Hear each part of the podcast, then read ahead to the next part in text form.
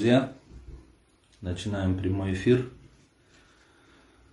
Сегодня прямой эфир будет касаться вопроса души, то есть доказательства ее вечности. Вопрос как бы нелегкий, тема очень сложная, но необходимая, потому что для того, чтобы человек действительно осознал э, что, так скажем, в нем самое ценное, да, это, конечно, душа, но многие до такой степени, так скажем, сейчас вот эта материалистическая философия и рассеянность людей настолько их сделала, так скажем, рассеянными, что они, многие и сомневаются, и не верят в вечность души, вообще в ее существование и так далее. Поэтому тема будет нелегкая, но постараюсь как бы доступным языком какие-то вещи объяснить. Если будет что-то непонятно, то задавайте в прямом эфире э, вопросы, чтобы я мог более подробно э, объяснить те моменты, которые к вам непонятны или сложны для понимания. Еще чуть подождем, пока присоединятся люди. Всех еще раз приветствую.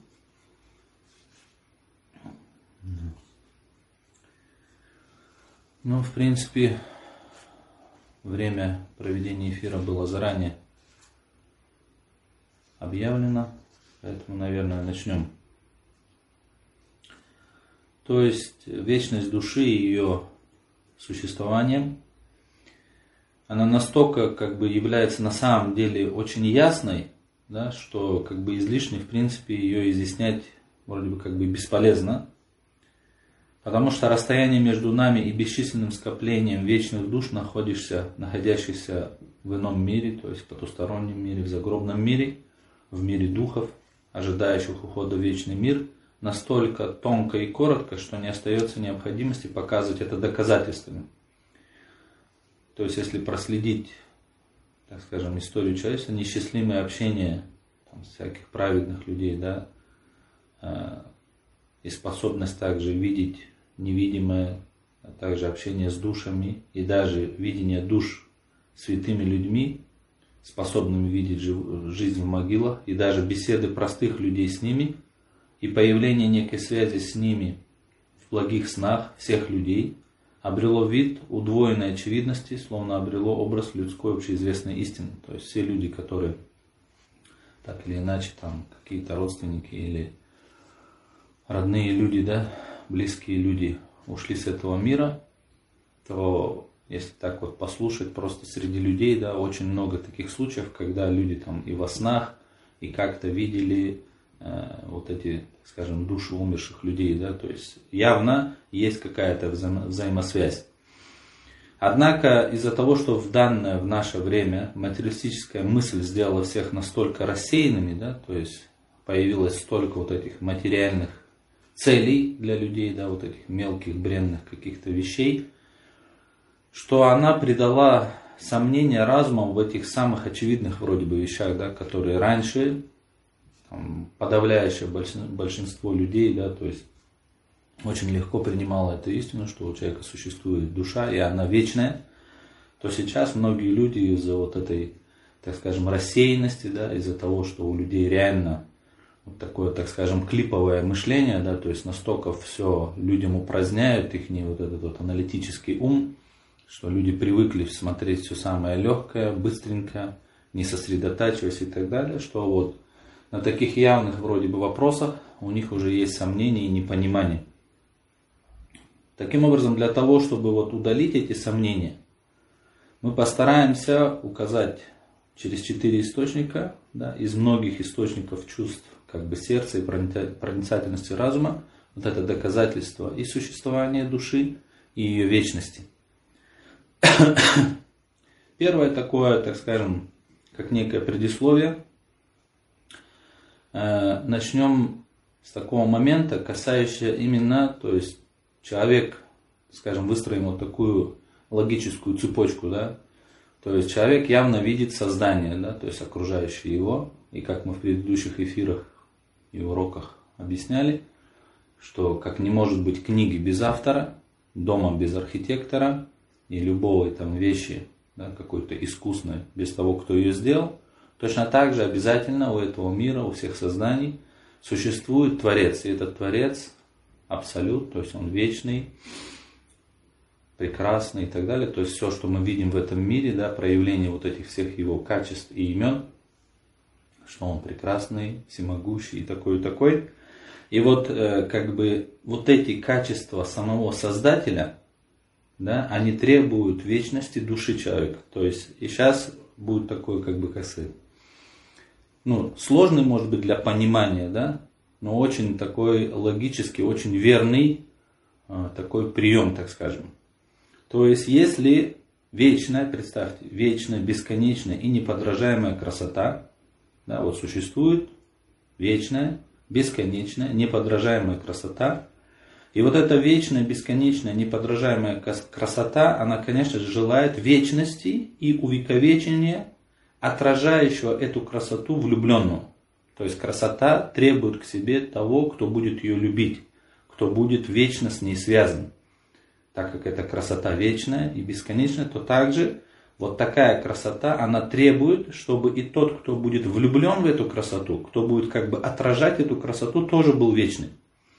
А также безукоризненное, вечное совершенство, да, вот такое совершенное творчество желает постоянства и вечности размышляющего над этим творчеством как бы глашатая, то есть того, кто будет оценивать вот это совершенное творчество. То есть еще раз представьте, безукоризненное, вечное, совершенное творчество. Оно желает, чтобы был тот, кто будет размышлять над этим творчеством, и чтобы этот размышляющий, вот этот объявляющий о совершенстве этого творчества, он тоже был вечным. Точно так же некая необъятная милость, да, вечная, бесконечная благосклонность делает необходимым постоянство одаривания нуждающихся благодарных. То есть представьте, есть некий, да, абсолютно милостливый, благосклонный, щедрый. И, естественно, вот эти его качества, этой милости, щедрости, благосклонности, они требуют того, чтобы они кого-то одаривали. Причем вечно, бесконечно.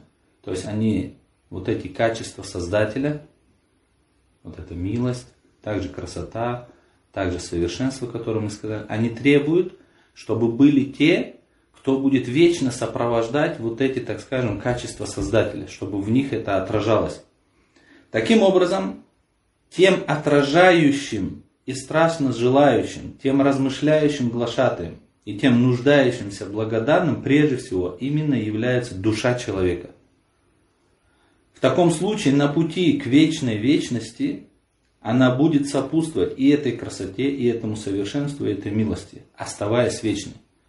То есть здесь вот такая получается цепочка. То есть мы видим творение, понимаем, что есть Творец, и этот Творец должен обладать вот этими вечными качествами. А эти вечные качества требуют того, чтобы были те, кто будут вечно сопровождать вот эти качества Создателя. То есть те, кто будут влюблены в его красоту, те, кто будут восхищаться его совершенством, те, кто будут благодарить за его милость, щедрость и так далее. И именно человеческая душа является первым кандидатом на сопровождение вот этих качеств Создателя. То есть иначе, иначе здесь будет очень такой, как сказать, момент, да. То есть, э, если вы заметили, в естестве человека есть такой эм, интересный момент. То есть, когда для человека что-то становится недоступным, да, человек начинает враждовать с этой вещью. Да, то есть, что-то недоступное или непонятное. Это как можно привести такой пример, да, когда там медведь тянулся за виноградом и не достал его, он сказал, а кислый, и не стал, да, или там кто-то был влюблен в какую-то красавицу, эта красавица отвергла этого влюбленного, и этот влюбленный начал что? Оскорблять оскорблять эту красавицу, хотя он сам в нее влюблен, но вот это вот, э, так скажем, вот это качество человека косвенно как бы является доказательством того, что человек создан для вечности, то есть он создан для того, чтобы вечно, то есть представьте, человек пришел в этот мир, да, То есть он увидел вот эту красоту, которая проявляется в этом мире, то есть красота Создателя, его совершенства, да? его милость, то есть его чем-то одарили. Но потом, представьте, человек просто исчезнет, просто умрет в небытие и так далее. То есть при таком положении вещей человек начнет оскорблять эту красоту, отрицать это совершенство, а вот эта милость, по сути, превратится в свою противоположность. То есть это как будет как некое издевательство. То есть представьте, да, то есть, грубо говоря, одарили, но не дали, так скажем, по-нормальному вкусить, и все, ты исчез, ничего так в итоге не распробовав и так далее. То есть это полностью как бы противоречит вот этому естеству человека. То есть явно любой человек, который вот поразмыслит над вот этой логической цепочкой, он поймет, что человек и человеческая душа, они созданы для вечности, для того, чтобы вечно сопровождать, так скажем, вот в этом познании Творца, да, его красоты, совершенства, милости и так далее. Но дело в том, что не только душа человека, но даже самые простейшие создания не были созданы для гибели. И в некотором роде они также удостаиваются вечности. То есть, если мы даже посмотрим вокруг, во внешнем мире, мы увидим, что не только душа человека, но даже более простые вещи и то не были созданы для того, чтобы просто исчезнуть, так скажем, в небытие, в никуда. Так вот, если даже не имеющий души незначительный цветок уйдет из своего внешнего существования, он в тысячах случаях в некотором роде удостаивается вечности. Да? То есть, представьте, растение, какой-то цветок, Вроде бы это один из самых простейших видов жизни, да, то есть один из там первая, вторая, третья ступень. Ибо его образ навечно остается, во-первых, в бесчисленных памятях. То есть, сколько его увидели разумных созданий, вот этот образ этого цветка, любого растения, он остается в памяти этого разумного существа. Плюс закон его прорастания, став вечным, продолжает существование в сотнях семян. То есть можно сказать, что вот этот закон, который э, находится в семени любого растения да, или косточки, является своеобразным, так скажем, упрощенным вариантом души этого создания, да, вот этого растения. И мы видим, что вот этот маленький кусочек, так скажем, души, он продолжает свое существование в сотнях семян. То есть это создание уходит, какое-то растение, но оно после себя оставляет там тысячи семян. То есть вот эта душа, грубо говоря, вот этот закон э, образования этого э, цветка там, или растения, или там любого, да, то есть растения, является своеобразной душой. И мы видим, что она продолжает существование, хотя сам внешне этот цветок вроде бы побыл какое-то время там, и умер, да, но его вот этот закон прорастания продолжает существование в сотнях семян. Поскольку этот закон прорастание и образ цветка, они похожи на некий крошечный кусочек души. И мы видим, что этот, вот этот крошечный кусочек души увековечивается со стороны мудрого, сохраняющего Творца. Из совершенной гармонии он сохраняется в их семенах, подобных маленьким кусочкам, да? И остается вечным, находясь посреди сотрясающих преобразований. То есть это семя может в таких там преобразованиях быть, да, сколько проходит этих событий, но мы видим, что вот этот э, закон прорастания этого цветка, он сохраняется. Безусловно, да, как человек может называть себя сознательным, если он не поймет, что человеческая душа, которая является как бы светлым законом повеления Творца, обладая возвышенным характером, жизнью, сознанием, а также весьма высокими и безупречными качествами, будучи облаченной во внешнюю сущность, да, конечно же, достойна вечности и неразрывно связана с ней. То есть, э, в чем отличие еще, грубо говоря, между человеческой душой и законом образования какого-то цветка или растения, который является как неким подобием, упрощенным подобием души. То есть тот закон закон прорастания этого растения, он не имеет внешнего существования. То есть он как бы, как сказать, находится в таком, можно сказать, теоретическом существовании. Да? А человеческая душа, то есть хоть она тоже является законом повеления, то есть как бы можно сказать, из того же мира, да, то есть из мира повелений Создателя, то есть и тот, и тот, да, то есть и растение, вот его вот это э, закон образования является э, посланным из мира повелений, и душа человека. Но только душа человека, она еще что? Она имеет внешнее существование, плюс она обладает сознанием, жизнью, характером возвышенным и так далее. То есть на много степеней выше. Тем более, то есть мы, и мы видим, что этот простейший кусочек души в этом мире явно удостаивается вечность, то есть он продолжает, какие бы преобразования ни происходили с этим цветком, то тем более человеческая душа, она тем более достойна вечности.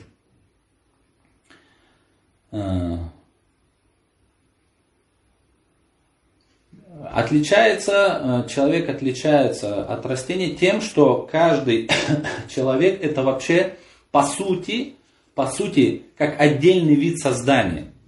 То есть, если мы посмотрим, к примеру, да, то есть, к примеру, там, животные, да, или растения, они внешне, да, то есть по виду, они очень сильно отличаются друг от друга. Да, но с точки зрения как бы духовной, с точки зрения вот этой Духовные ценности, они практически все находятся, то есть, что там маленький цветок, что дерево, в принципе, они находятся на одной степени ценности, да, и точно так же животные. А вот люди, наоборот, внешне вроде бы они кажутся похожими друг на друга, да, но духовно настолько люди разнятся, да, то есть, можно сказать, что человек может опуститься, как, как говорится, один ниже плинтуса, а второй подняться выше ангела.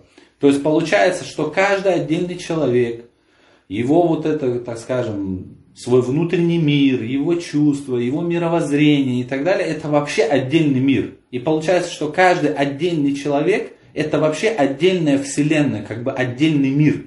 И поэтому, конечно же, по ценности человек, один индивидуум выходит на, на такую ценность, как какой-то вид других созданий.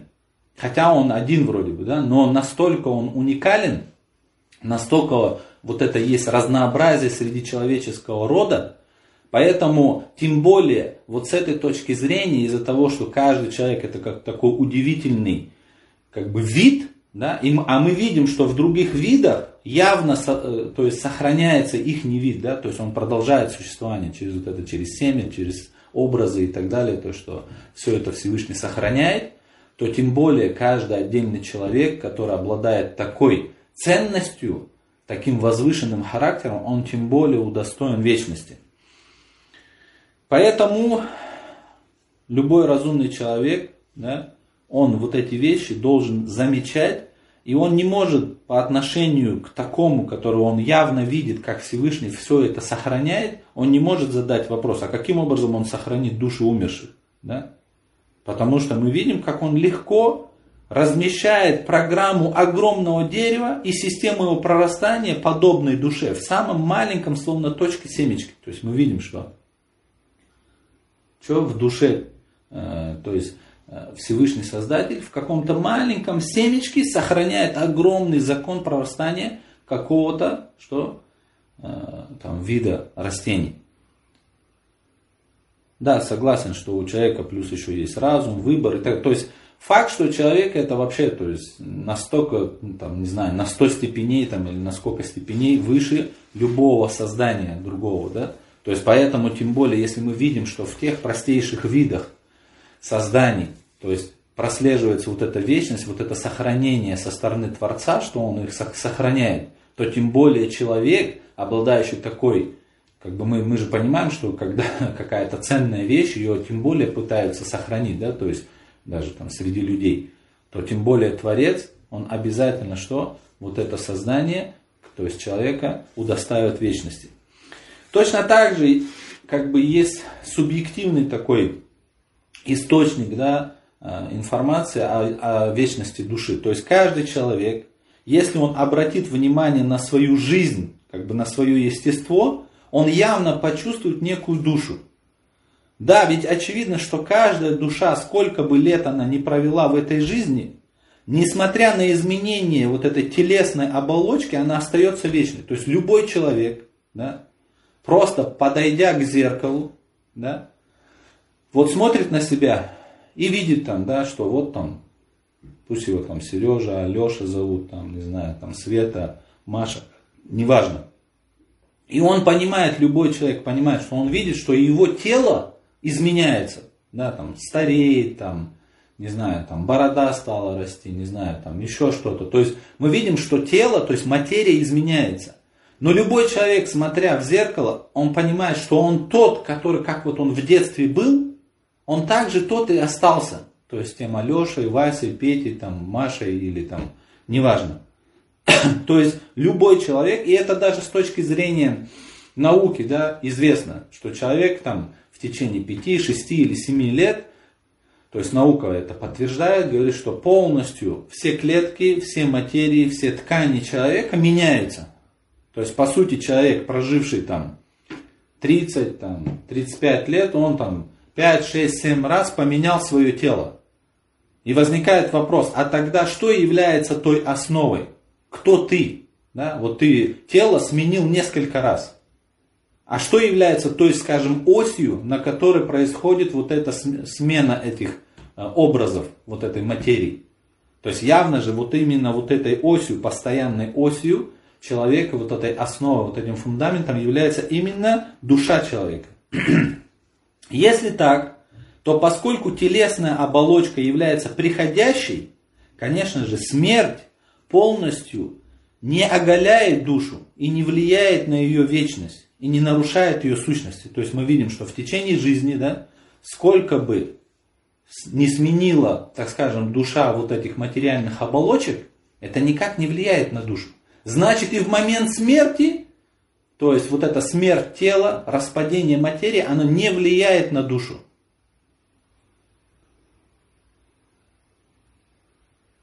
Да, то есть вот тут э, комментируют, что в, в паспорте, да, мы же фото меняем там во сколько там, 25-40 лет или во сколько там.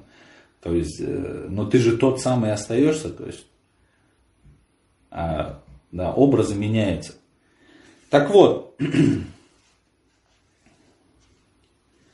то есть в момент жизни душа постепенно сменяет свое телесное облачение на протяжении вот этой жизни, но во время смерти же она просто раздевается, грубо говоря, то есть снимает эту оболочку. То есть эта оболочка спадает с нее. То есть неким весьма явным чутьем, а скорее посредством наблюдений подтверждено то, что тело существует благодаря душе. Не наоборот. Да? То есть вот посмотрите, материально то же самое тело. Да, то есть вот один человек лежит мертвый, второй живой.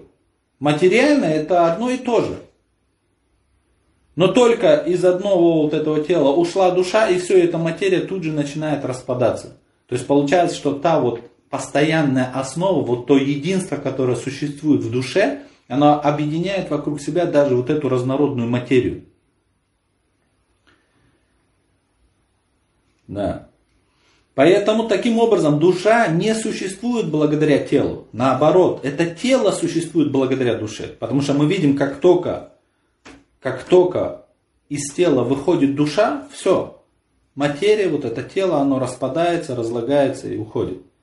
Скорее по причине того, что душа существует и управляется независимо, пусть тело распадется и соберется, как пожелает, это не влияет на самостоятельность души. Скорее тело является даже не одеждой, а неким жилищем и неким гнездом души. Пожалуй, одежда души имеет в некоторой степени постоянную и некую тонкую оболочку. Да, то есть сейчас там люди говорят, там, не знаю, там аура, то, пятое, десятое. То есть действительно, сама душа человека, она имеет какие-то духовные, э, то есть более такие, скажем, тонкие материи, оболочки, да. То есть, а сама материя, Э, то есть само вот это тело своеобразно, как некий домик, как некий гнездо для души, через которое мы там созерцаем, познаем этот мир, а через познание этого мира мы познаем Творца. Да? То есть, пожалуй, одежда души имеет в некоторой степени постоянную некую тонкую оболочку, которая по своей тонкости присуща как бы души, а также имеет некое подобие тела. Это означает, что даже в момент смерти душа не остается полностью как бы оголенной, а выйдя из своего гнезда, она одевается вот в это некое подобие тела, то есть некие вот эти в тонкие материи. Да? То есть получается, что наша душа каждый человек, если внимательно обратит внимание на свою вот эту э, жизнь, да, на свою сущность, он увидит, что явно в нем есть какая-то основа постоянная. Что да, тело меняется, да, мы там стареем, не знаю, у кого-то там начинает волосы выпадать, у кого-то там борода начинает расти, морщины появляются, то, пятое, десятое. Но внутри, как мы были, вот те, которые мы помним себя в детстве, точно так же мы и остаемся теми самыми. так, что тут говорят? Не зря говорят, а. И теперь уже можно рассмотреть второй как бы источник такой, да, информации о душе, это уже такой более объективный.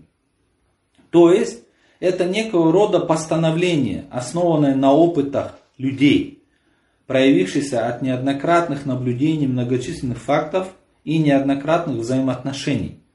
Да, если познается жизнь после смерти хотя бы одной души, это сделает необходимым вечность всех душ.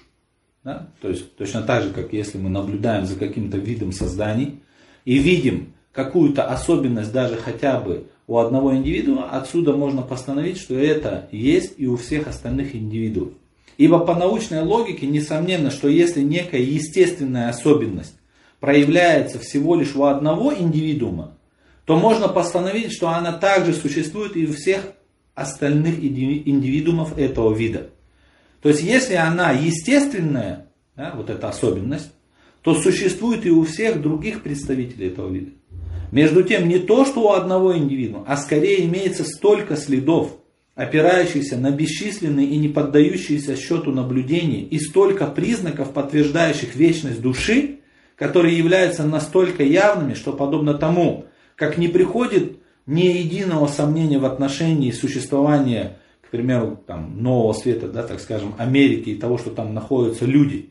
Точно так же не поддается, то есть не поддаются сомнению и то, что сейчас в скрытом мире, то есть в мире духов, да, в потустороннем мире, там, в загробном мире, в великом множестве существуют души умерших людей.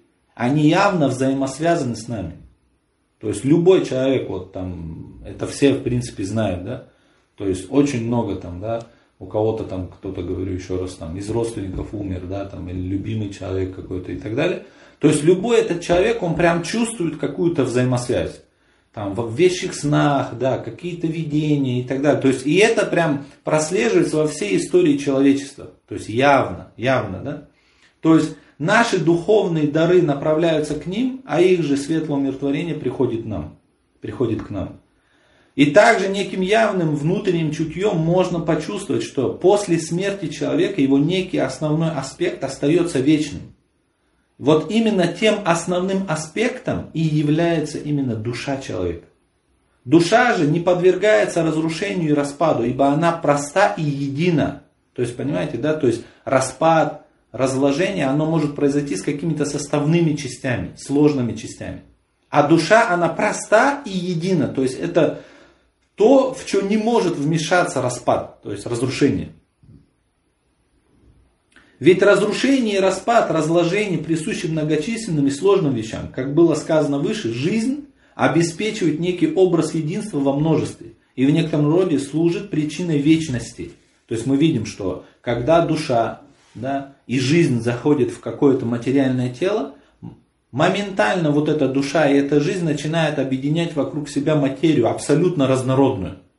Но как только душа и жизнь выходит с какого-то материального тела, все эта материя тут же распадается, начинает все разлагаться и так далее.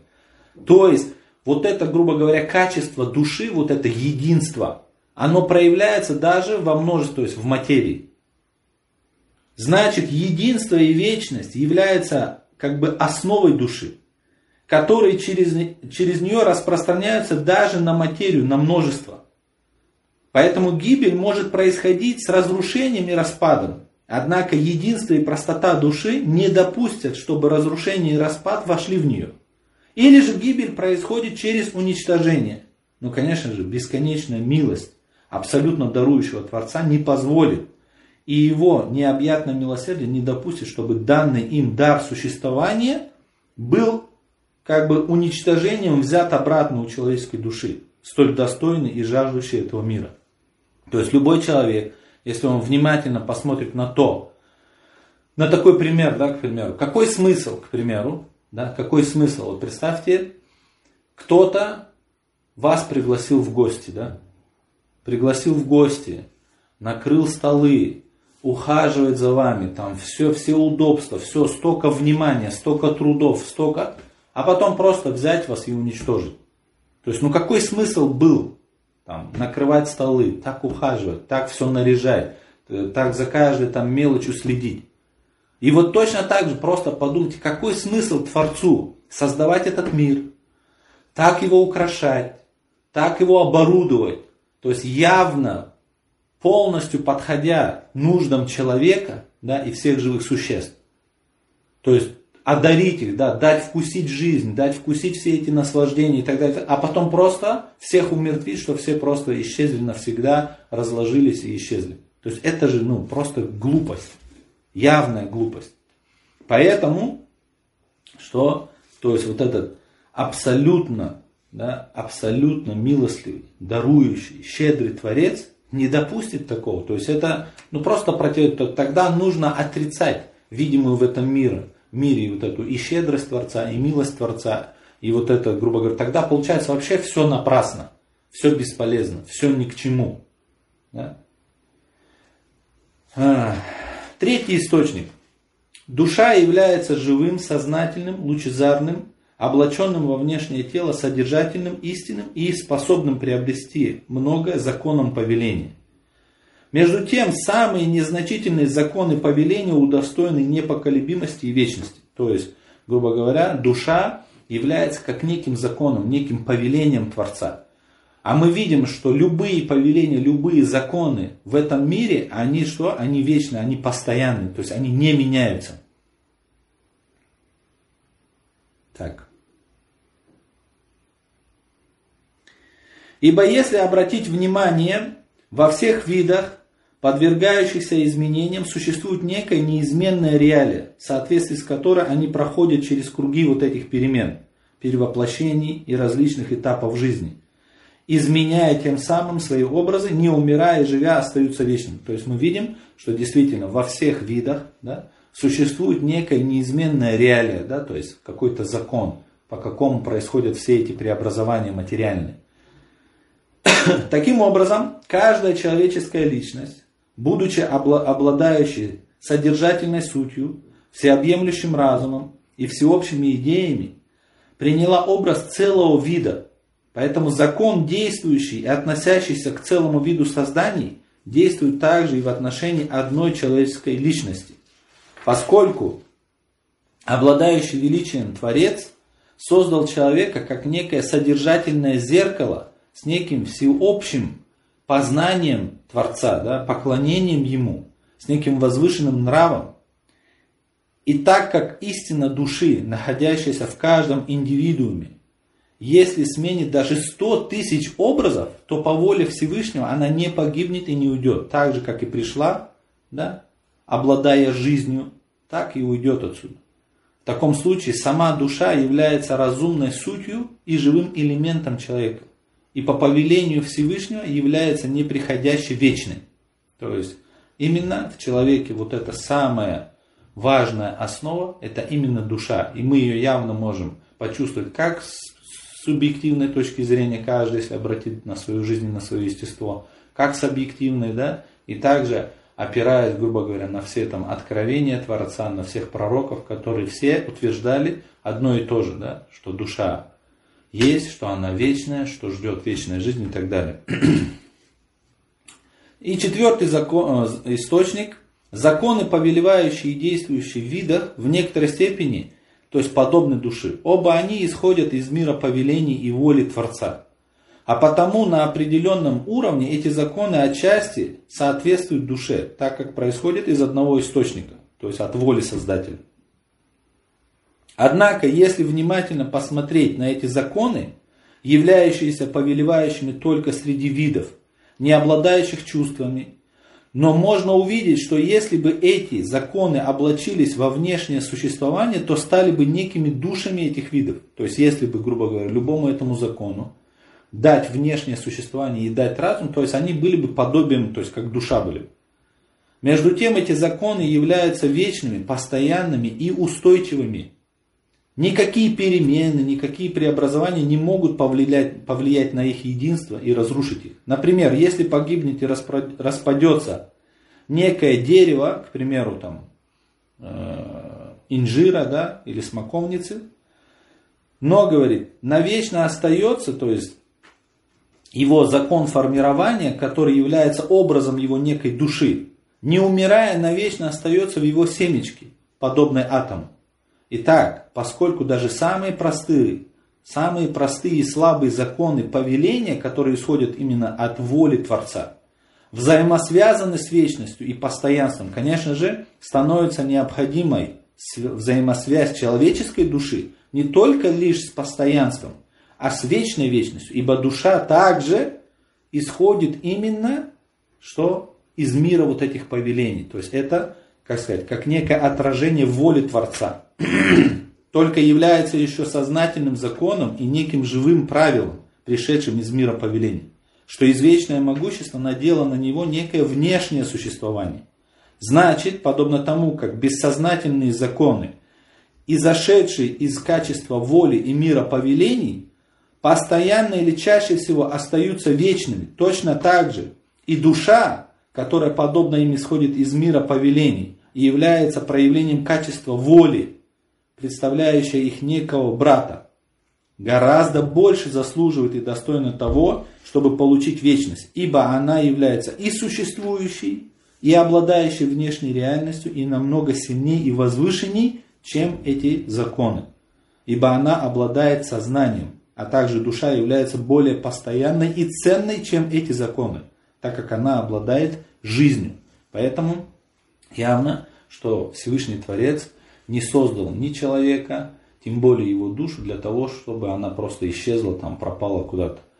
То есть, значит, у человека есть душа, есть вот эта вечная основа, да, и она вечна, и она будет продолжать существовать вечно. Ну, на сегодня закончим наш прямой эфир. Тема была очень сложная, конечно, да, то есть если кому-то что-то не ясно, да, сейчас можете задать вопрос, если не успеете в прямом эфире, то можно задать в директ, да, или там пишите на WhatsApp, в шапке профиля есть его указания. Если вопросов на данный момент нету, то мы завершаем наш сегодняшний эфир. Всем всего доброго так скажем, заботьтесь о своей вечной основе, то есть о душе. Это та основа, которая будет вечна.